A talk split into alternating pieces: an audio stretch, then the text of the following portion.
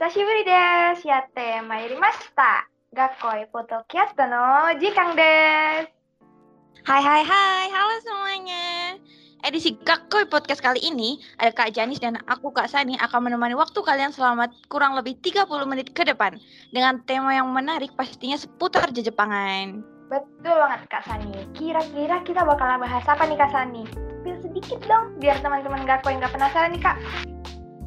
Nah, edisi Gakoy Podcast hari ini nih menarik banget loh Kak.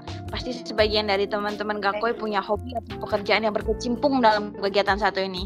Hmm, kira-kira kegiatan apa ya itu? Hmm, ya Apa ya? betul banget. Hmm, betul banget kayak ini pasti sesuai dengan pemikiran orang-orang nih. Kita akan mengupas sedikit mengenai dunia pergaman. Wah, game. Pasti banyak banget nih pendengar Gakoy yang mau atau kepo tentang dunia game. Kira-kira game apa ya Kak? Battle Royale, MOBA, FPS, atau sport? Mungkin biar nggak makin penasaran, di sini kita sudah ditemani oleh dua narasumber yang lebih paham pastinya mengenai jenis game dan beberapa pertanyaan yang tim Gakoy terima nih. Ada Kak Akmal dan Kak Isma. Halo Kak Akmal, halo Kak Isma. Halo Kak Janis, Kak San. Halo, mungkin mungkin Kak Akmal dan Kak Isma bisa memperkenalkan diri dan sekalian dijelasin ya Kak, kira-kira jenis game apa sih yang lagi ditekuni sekarang? Oke, dari aku dulu ya. Boleh, boleh banget Kak. Oke, halo Minasan, Kak Janis dan Kak Sani. Eh, sebelumnya kenalin, aku Akmal Syuhada, biasa dipanggil Akmal.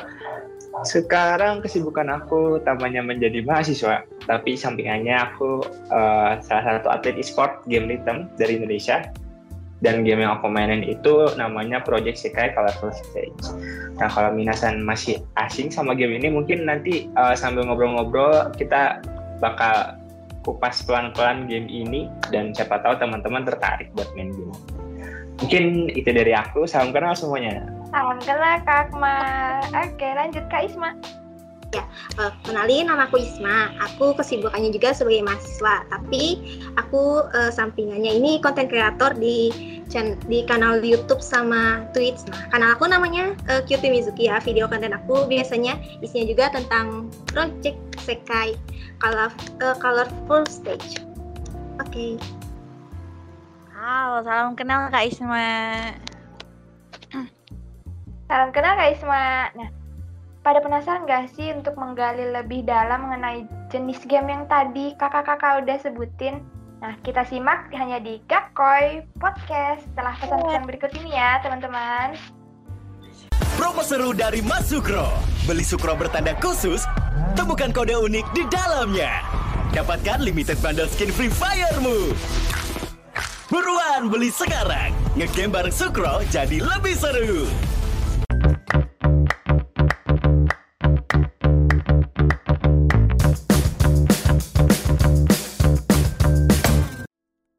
Balik lagi di Gakoy Podcast. Masih bersama Kak Sani, Kak Janis, Kak Akmal, dan Kak Isma.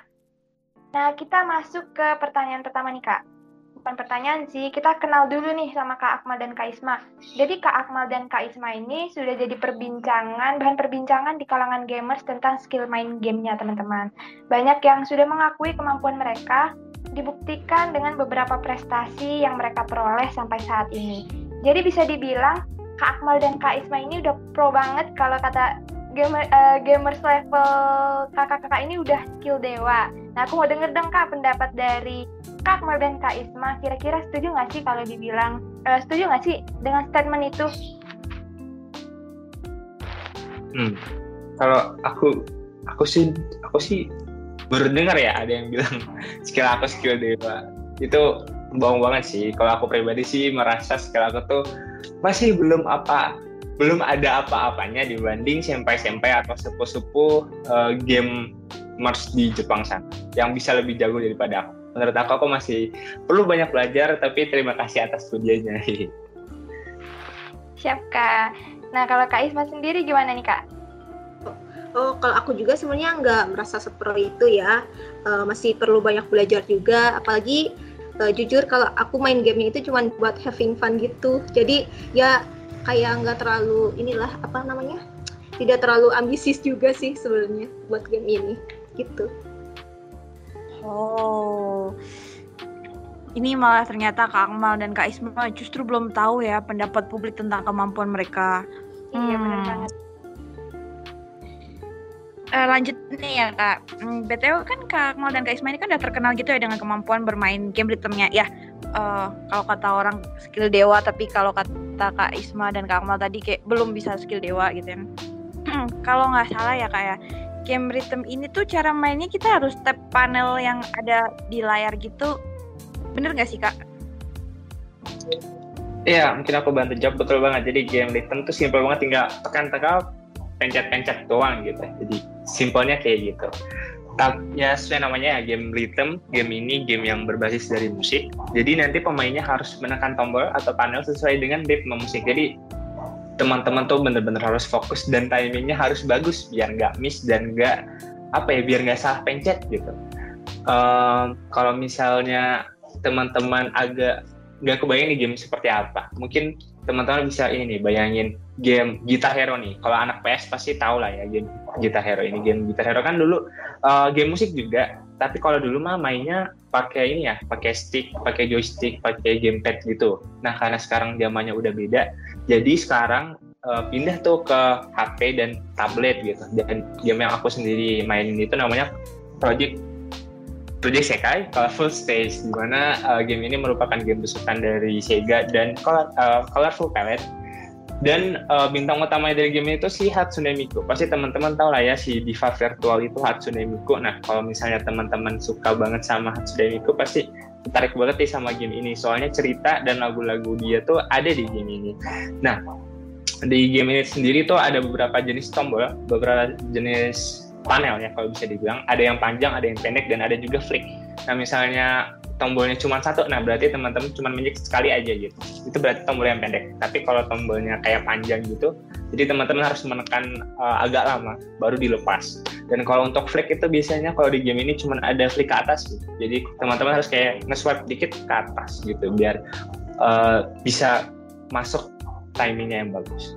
Um, mungkin gitu penjelasan dari aku Tuh, teman-teman. Kalau kata Kak Akmal sih, kedengarannya kayak gampang ya, tapi ternyata game ini melatih fokus dan ketelitian dari para pemainnya. Apalagi kalau sebenarnya ritmenya susah ya, Kak. Pasti fokus yang dibutuhkan semakin tinggi.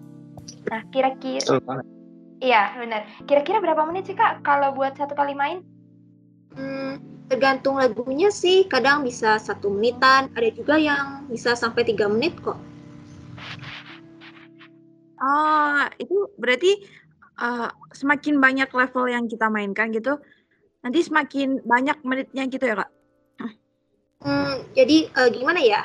Eh, menitnya itu tergantung lagunya. Semisal lagu A nih, ada di tingkat easy, nah, durasinya 3 menit. Nanti di level hard juga lagunya itu lagi dan durasinya juga masih segitu lagi. Nah, yang membedakan itu misalnya antara eh, tingkat easy sama hard itu di tombolnya tadi. Nah, misalnya di tombolnya tadi itu di eh, tingkat easy itu eh, masih jarang gitu. Jadi cuma ngeklik sekali, sekali, sekali, sekali doang. Nah, kalau kalau di eh, hard itu udah lebih apa ya? Kayak lebih beragam jenisnya gitu buat tombolnya dan lebih rumit juga. Gitu. Oh, jadi yang level hard tuh bakalan lebih susah di panelnya gitu ya? Hmm. Lebih ya lebih banyak jenisnya juga tombolnya itu. Oh, jadi gitu ya kak. Aku tuh kiranya tuh kalau level easy itu nanti bakalan isi musiknya tuh kayak mellow, slow, tenang gitu. Terus kalau yang misal hard time nanti bakal eh ritme musiknya tuh bakalan yang ngebeat yang kenceng gitu. Ternyata bukan. Oh, meraih juga ya kak. Terus lanjut ya kak ya. Hmm. BTW ini kan Kak Ikmal dan Kak Isma ini kan oh, hitungannya udah sukses lah ya kak. Yang Kak Ikmal udah bisa ikut championship. Terus buat Kak Isma juga bisa bikin konten kreator yang terkenal gitu kan. Nah kalau semisal nih kak, semisal ada orang yang udah jago main game rhythm, kira-kira tuh gimana caranya dia, eh, gimana cara dia buat nyalurin bakatnya biar bisa masuk ke championship kayak Kak Kemal atau bikin konten kreator kayak Kak Isma? Mungkin boleh dikasih tahu perjalanan dari kakak-kakak sebelum sampai titik ini? Oke, kalau aku pribadi nih, aku aku dulu ya, boleh ya? Aku jawab dulu ya. Boleh kak? Uh, Oke, kalau aku dulu itu pertama kali awalnya iseng-iseng main game ini. Aku suka banget game ini karena aku juga suka sama Hatsune gitu. Terus lama kelamaan kayak, aduh, gak asik nih main sendirian doang. Padahal game ini itu bisa main sampai 10 orang bareng gitu dalam satu kali main, dalam satu lagu gitu kan. Terus aku iseng-iseng nyari komunitas gitu biar ada teman main, teman apa ya, teman berbagi tips mungkin ya, teman bercerita juga. Terus aku masuk deh komunitas di salah satu komunitas game ini di Discord Nah di situ aku menemukan banyak banget teman-teman baru dan aku juga mendapatkan relasi-relasi baru. Dari situ aku pertamanya cuman iseng-iseng main bareng, ngobrol-ngobrol bareng, bagi tips bareng sampai aku tuh klop sama, sama dua orang teman aku yang lain. Nah karena kita klop jadinya kita kan sering main, sering bagi-bagi tips dan diskusi nih gimana sih caranya supaya kita bisa perfect combo gitu kan, supaya bisa keren lah gitu kan ya mainnya sampai akhirnya di mana uh, salah satu teman Discord aku yang lain tuh tahu gitu kalau kita bertiga sering main bareng dan bisa dibilang lumayan jago gitu dibanding yang lain. Nah akhirnya kita dikasih tahu tuh ada bahwa di Jepang ada championshipnya dan kita tahu juga tata caranya. Jadi ternyata dia tuh tahu gitu caranya biar bisa sampai sana. Nah jadi karena orang ini, oh, koneksi ini, jadinya aku sama teman-teman aku bisa deh ikutan lomba championship di Jepang sana. Awalnya sih nggak nyangka ya, cuman uh, awalnya cuma iseng-iseng banget tuh masuk Discord, masuk komunitas itu, tapi karena uh, iseng keisengan aku tadi, aku bisa menemukan teman-teman baru, rekan-rekan baru, koneksi baru, dan juga menemukan rekan tim untuk bisa lomba di Jepang. Gitu sih kalau dari aku. Keren banget nih kak. Berarti hitung-hitung nambah relasi lewat komunitas juga ya kak? Betul, betul banget. Nah, ini aku dapat pertanyaan nih kak. Kalau untuk match game rhythm di Indonesia sendiri, uh, belum ada ya kak? Uh, kalau setahu saya juga masih ada di Jepang ya. Uh, mungkin sama Kak Akmal bisa dijelasin uh, tentang uh, match game rhythm di Indonesia? Apa ada nggak? Oh iya, kalau setahu aku sih ya buat uh, match championship yang official dari Sega-nya, dari Colorful Palette-nya itu belum ada tapi biasanya yang ngadain tuh kayak komunitas-komunitas kecil. Komunitas aku sendiri juga kadang-kadang ngadain kok kayak lomba-lomba kecil gitu yang menang ya paling dapetnya kristal atau top up. Tapi buat yang serius yang bisa dikompetisi eh, kompetisiin uh, gede di Indonesia sendiri belum ada. Karena ini ya kak, kayak kayaknya belum ada server Indonesia. Indonesia nggak masuk servernya nggak oh. sih kak? Hmm. Ya, setahu saya juga servernya itu masih terbatas. Ada server Jepang, server global, sama sekarang ada server Korea. Iya, aku sendiri mainnya di server Jepang. Kalau Kaisa mainnya di server mana ya kemarin? Fokusnya global. di server global sih, ya. Oh iya iya. Gitu kak. Menarik juga ya kayak ya. ternyata. Iya benar Iya kan ternyata di Indonesia itu game rhythm tuh belum dirilis gitu kan. Makanya Kak Kemal tadi uh, mencari komunitas biar lebih upgrade kemampuannya terus ketemu sama rekan-rekan seperjuangannya. Terus yang kayak Kak, uh, Kak Isma lebih fokus ke apa server globalnya ya. Kayak semakin menarik gitu gak sih Kak Ajanis pembahasan kita kali ini? Benar, Aku jadi benar, semakin... benar banget Kak. Iya kan? Kayaknya juga teman-teman Gakoi yang ngedengerin kita tuh kayak juga makin penasaran deh dengan sama game rhythm ini.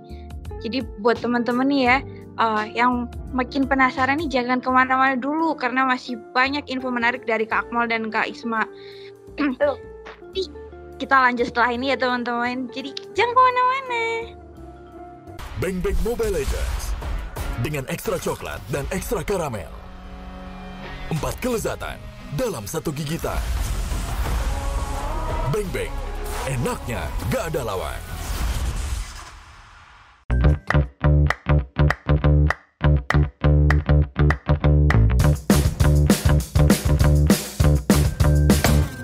Oke, masih pada setia kan dengar podcast dari Gakoy? Kita masih ada beberapa pertanyaan nih, Kak. Yang pertama, lanjut uh, kita langsung aja ya. Katanya game ini menerapkan sistem gacha dalam mendapatkan kartu. Jadi, mungkin ada fitur untuk membeli sejenis kristal mungkin ya kak pernah nggak sih kak Akmal atau kak Isma tuh mengeluarkan uang banyak untuk memulangkan kartu yang kalian inginkan oke okay. aku jawab duluan ya uh, bener banget game game gacha ibaratnya game judi gitu ya jadi emang harus apa ya kalau mau dapat karakter yang bagus emang harus mengeluarkan duit gitu Uh, jadi kalau di project saya sendiri duitnya itu namanya kristal jadi kita bisa top up.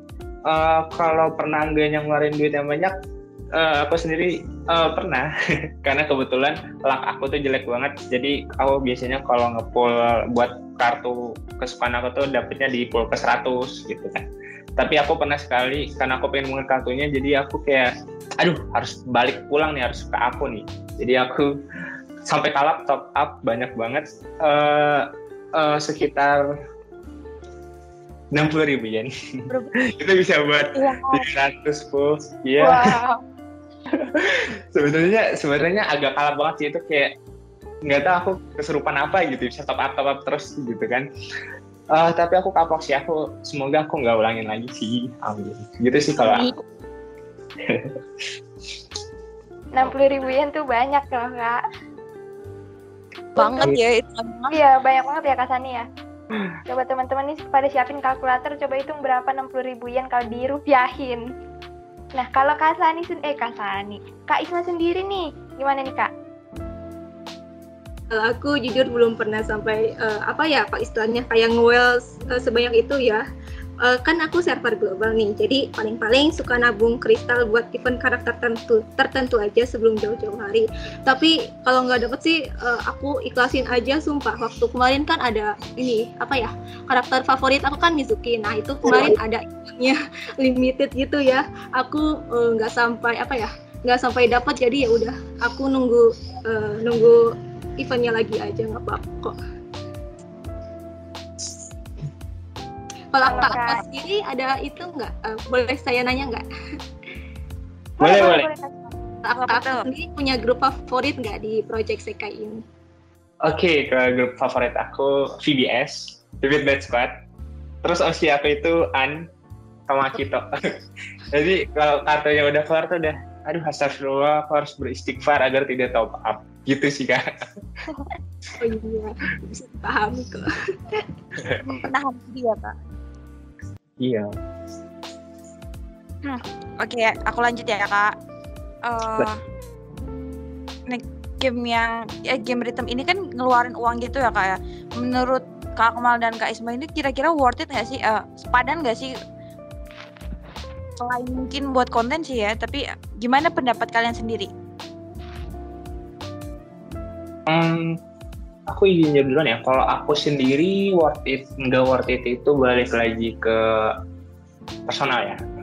Kalau menurut aku selama kita have fun dan merasa senang gitu dan tidak menjadikan beban ya menurut aku sih worth it banget apalagi kalau buat aku pribadi game ini game tempat healing aku gitu jadi kalau lagi pusing dalam realita kehidupan ya hal banget ya pokoknya kalau lagi pusing banget aku kalau main game ini langsung jadi seneng mood aku langsung balik lagi gitu. Jadi menurut aku worth it banget buat top up. Tapi buat teman-teman nih kalau main game ini gak apa-apa kok nggak top up. Jadi game ini tuh sistemnya free to play tapi emang teman-teman harus menahan diri untuk tidak top up. Seperti mungkin Kak Isma tadi ya bisa menahan nafsunya tidak men-top up jadi kalau misalnya teman-teman main ya bebas kok main. Mungkin bisa menabung kristal yang gratis, jadinya nggak perlu top up untuk mendapatkan kartu yang diinginkan. Tapi emang harus menahan diri, karena emang gak, game gacha ya kak. Jadinya uh, keberuntungannya beda-beda gitu tiap eventnya. Hmm, kan kalau misalnya kartu uh, kartu yang diinginkan juga nggak apa ya nggak pulang itu bisa ada returnnya sih. Tapi agak lama ya returnnya itu bisa setahunan. Jadi aku juga pernah dengar kalau game ini tuh bisa dijual belikan ya. Mungkin ada karakter favoritnya nggak pulang bisa dicari akunnya. Nah harganya itu kadang lebih murah dari top up kristal yang kita, harus kita keluarkan buat mulangin kartu favorit kita itu. Hmm. iya hmm. betul betul banget Oke deh kak. Jadi sebenarnya ini gamenya tuh free to play. Jadi ini Minasang, kalau misalnya Minasang nggak punya uang, jangan memaksakan diri ya. Kecuali emang udah yakin banget nih, kayak Kak Akmal nih bakal balik modal, ya kan Kak? Iya, yeah, untungnya untungnya aku sendiri uh, karena aku mengikuti ini ya, mengikuti championship jadinya aku top up kemarin tuh kayak nggak kerasa, oh ini sombong banget kalau nggak kerasa kerasa, cuman balik lagi modalnya gitu. Jadinya aku ngerasa kayak, oh ya udah gitu kan. Jadi uangnya nggak terlalu dipikirin karena balik lebih banyak lagi. Gitu. Tapi buat teman-teman jangan ya, jangan tahan aja Nah, oke Kak Akmal. Nah, tadi aku dengar nih ada kata-kata diperjualbelikan. Kalau boleh tahu Kak Isma, itu lapak yang jual akun game ini di mana ya? Oh, kalau aku lihat sih bisa ditemuin kayak di Twitter malah atau Oh, e-commerce kayak Shopee juga ada. Tapi ya aku juga nggak tahu ini ilegal atau enggak ya. Cuma pantauan aja. Terus kita juga harus tahu itu penjualnya eh, apa ya terpercaya atau enggak. Kadang ada orang yang kena scam jadi kita udah kasih uangnya tapi nggak dapat akunnya juga gitu. iya betul banget gitu ya, teman aku kemarin ada yang pernah kena scam kak sedih banget jadi dia udah transfer duitnya nggak dapat akun. Sedih nggak sih? Banget Jadi sih Kak, aku juga ditinggal pergi gitu aja. iya tiba-tiba di blok Kayak deh. Kayak doi tiba-tiba ngeblok. Eh enggak enggak enggak Udah. aduh doi Eh, Pokoknya hati-hati ya kalau mau beli game. Tuh, hati-hati ya teman-teman. Oh ya Kak Sani ini kan tadi bisa diperjualbelikan loh ternyata Kak. Kak Sani Iya, tahu kalau- ada berita-berita miring gitu. Lain ini enggak? Oh. iya kak Ah, aku tuh kapan hari ya kak per- bahkan pernah tahu gitu pas scrolling di itu eh, di Twitter ada Ah. aku pernah lihat tuh eh, di game sebelah ya itu satu Ah. akunnya bisa harganya tuh bisa cap sampai 30 jutaan gitu 30 juta. wah 30 30 juta. juta Ya ampun, lebih mahal dari motorku, Kak. sama dua dari motor aku. Jangan ya, Minasang jangan sampai spend 30 juta kalau memang nggak punya uangnya. Oke deh, kita Iya. tahan dulu pertanyaannya. Masih banyak pertanyaan-pertanyaan seru yang akan kita bahas setelah pesan-pesan berikut ini. Oke. Won't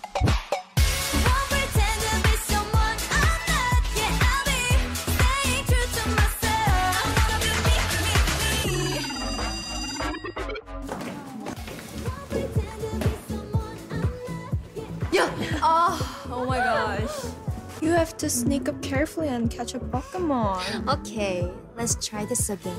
Gotcha! Wanna be a legend? Pokemon Legends Arceus.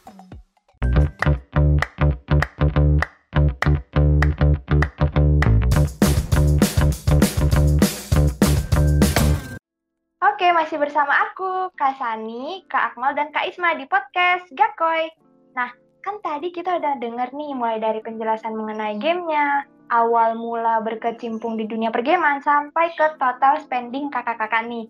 Menurut aku ini menarik banget sih sambil menyalurkan hobi, bisa eh, kita mencari lahan untuk duit sampingan yang untungnya nggak sedikit. Benar kan Kak Sani? betul banget kak setuju aku Nah, mungkin dari Minasang yang dengerin juga ada yang tertarik nih untuk berkecimpung dalam dunia pergaman ini. Dari Kak Akmal dan Kak Isma, ada nggak sih tips-tips supaya bisa pro gitu? Mungkin di bidang eh, content creator atau turnamen, mungkin dari Kak Akmal dulu nih. Oke, kalau di bidang turnamen, championship, kalau tips dari aku, yang pertama, cari komunitas. Karena eh, menurut aku pribadi komunitas itu suatu tempat yang penting, suatu hal yang sangat penting untuk memulai karir di bidang eh, e-sport ini, championship ini. Aku sendiri kan tergabung dalam eh, Optic Gaming. Nah, Optic Gaming ini ada banyak cabangnya, cabang bukan cabang, banyak eh, game yang diikutkan gitu oleh atletnya. Aku sendiri kan main di game ini. Dan untuk bisa sampai ke sana aku itu eh, ikut komunitas ini dan dikenalkan oleh eh, relasi-relasi aku gitu. Jadi kalau misalnya teman-teman udah punya komunitas pasti koneksinya banyak, relasinya banyak, jadi di dimudahkan ya istilahnya. Jadi kayak kunci emas biar bisa masuk ke turnamen itu dari komunitas. Dan juga hmm, jangan terlalu dipikirin kali ya, karena ini game buat have fun ya. Kalau misalnya teman-teman malah dijadiin beban, dijadiin tambahan pikiran gitu, malah nanti overthinking tambah stres, mending kata aku mah jangan gitu, jangan buat apa gitu kayak sia-sia. Kan ini game juga buat apa ya namanya have fun, buat menghibur diri. gitu. Benar-benar, benar-benar. Benar banget Akmal. Uh, jadi kalau misalnya udah dipikirin tuh mendingan teman-teman rehat dulu istirahat sebentar baru nanti lanjut lagi. Nah kalau misalnya teman-teman bener-bener ingin diseriusin juga boleh sih, cuman ya tadi uh, kata aku mah jangan terlalu dipikirin gitu. Dan apa ya kalau buat championship hmm, banyak-banyak pelatih sih mungkin dari aku itu aja kak tipsnya yang utama sih Oh, komunitas Oke. Oh jadi gitu ya kak. Eh, jadi kata Kak Amal tadi kunci pertama, kunci utama itu kita harus masuk komunitas dulu. Kita harus cari komunitas yang tepat buat kita.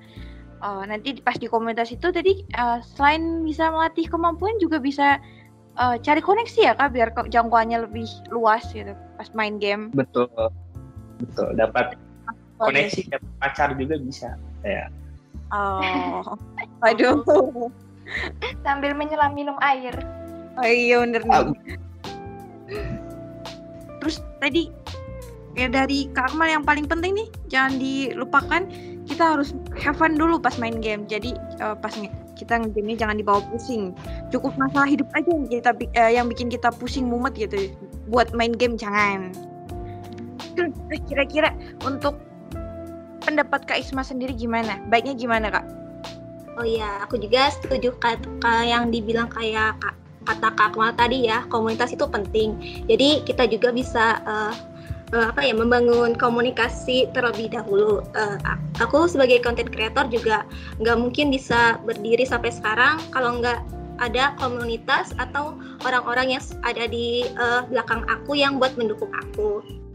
Terus mungkin eh, kita juga eh, selalu apa ya kalau mungkin udah jadi content creator terkenal nih tapi kita nggak boleh apa ya ada rasa sombong. Jadi kita juga harus apa ya kayak masih saling berkomunikasi juga sama apa ya sama followers followers gitu. Terus eh, nama juga content creator juga kita harus eh, apa ya membangun rasa kreativitas untuk eh, membuat konten-konten Eh, terus mungkin aku bagi tips aja kalau ini kan eh, tentang game rhythm ini eh, apa ya agak rumit ya walaupun cuman tekan-tekan tombol. Jadi eh, kata aku sih perbanyak latihan juga. Mungkin awalnya aku juga eh, cuman bisa level hard doang. Jadi makin ke sini udah kerasa semakin jago bisa ditingkatin lagi ke expert atau mungkin kalian juga bisa langsung master juga.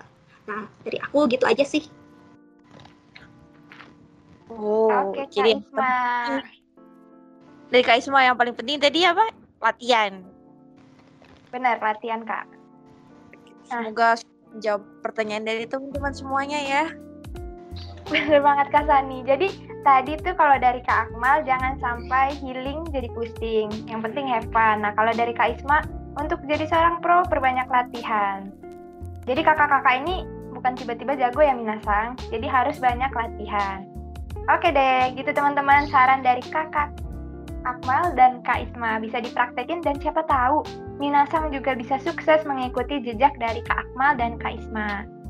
Gak terasa nih sudah 30 menit Kak Janis dan Kak Sani menemani teman-teman semua karena tema hari ini juga sudah kita bahas dengan tuntas, tas, tas, tas. Tidak terasa kita sudah mencapai ke penghujung acara. Terima kasih banyak buat Kak Akmal dan Kak Isma yang sudah menyempatkan waktunya datang di podcast Gakoy. Sukses terus ya Kak. Sukses terus Kak Akmal, Kak. Isma. amin makasih kak Janis kak Sani Terima kasih juga. Oke kalau gitu Minasang, terima kasih juga sudah mendengarkan podcast kali ini. Eh, jangan lupa bagi Minasang di like, komen, dan subscribe channel Kakoy. Kita jumpa lagi di next Kaigi Mata Masyunik. Jangan. Bye. Janis Halo.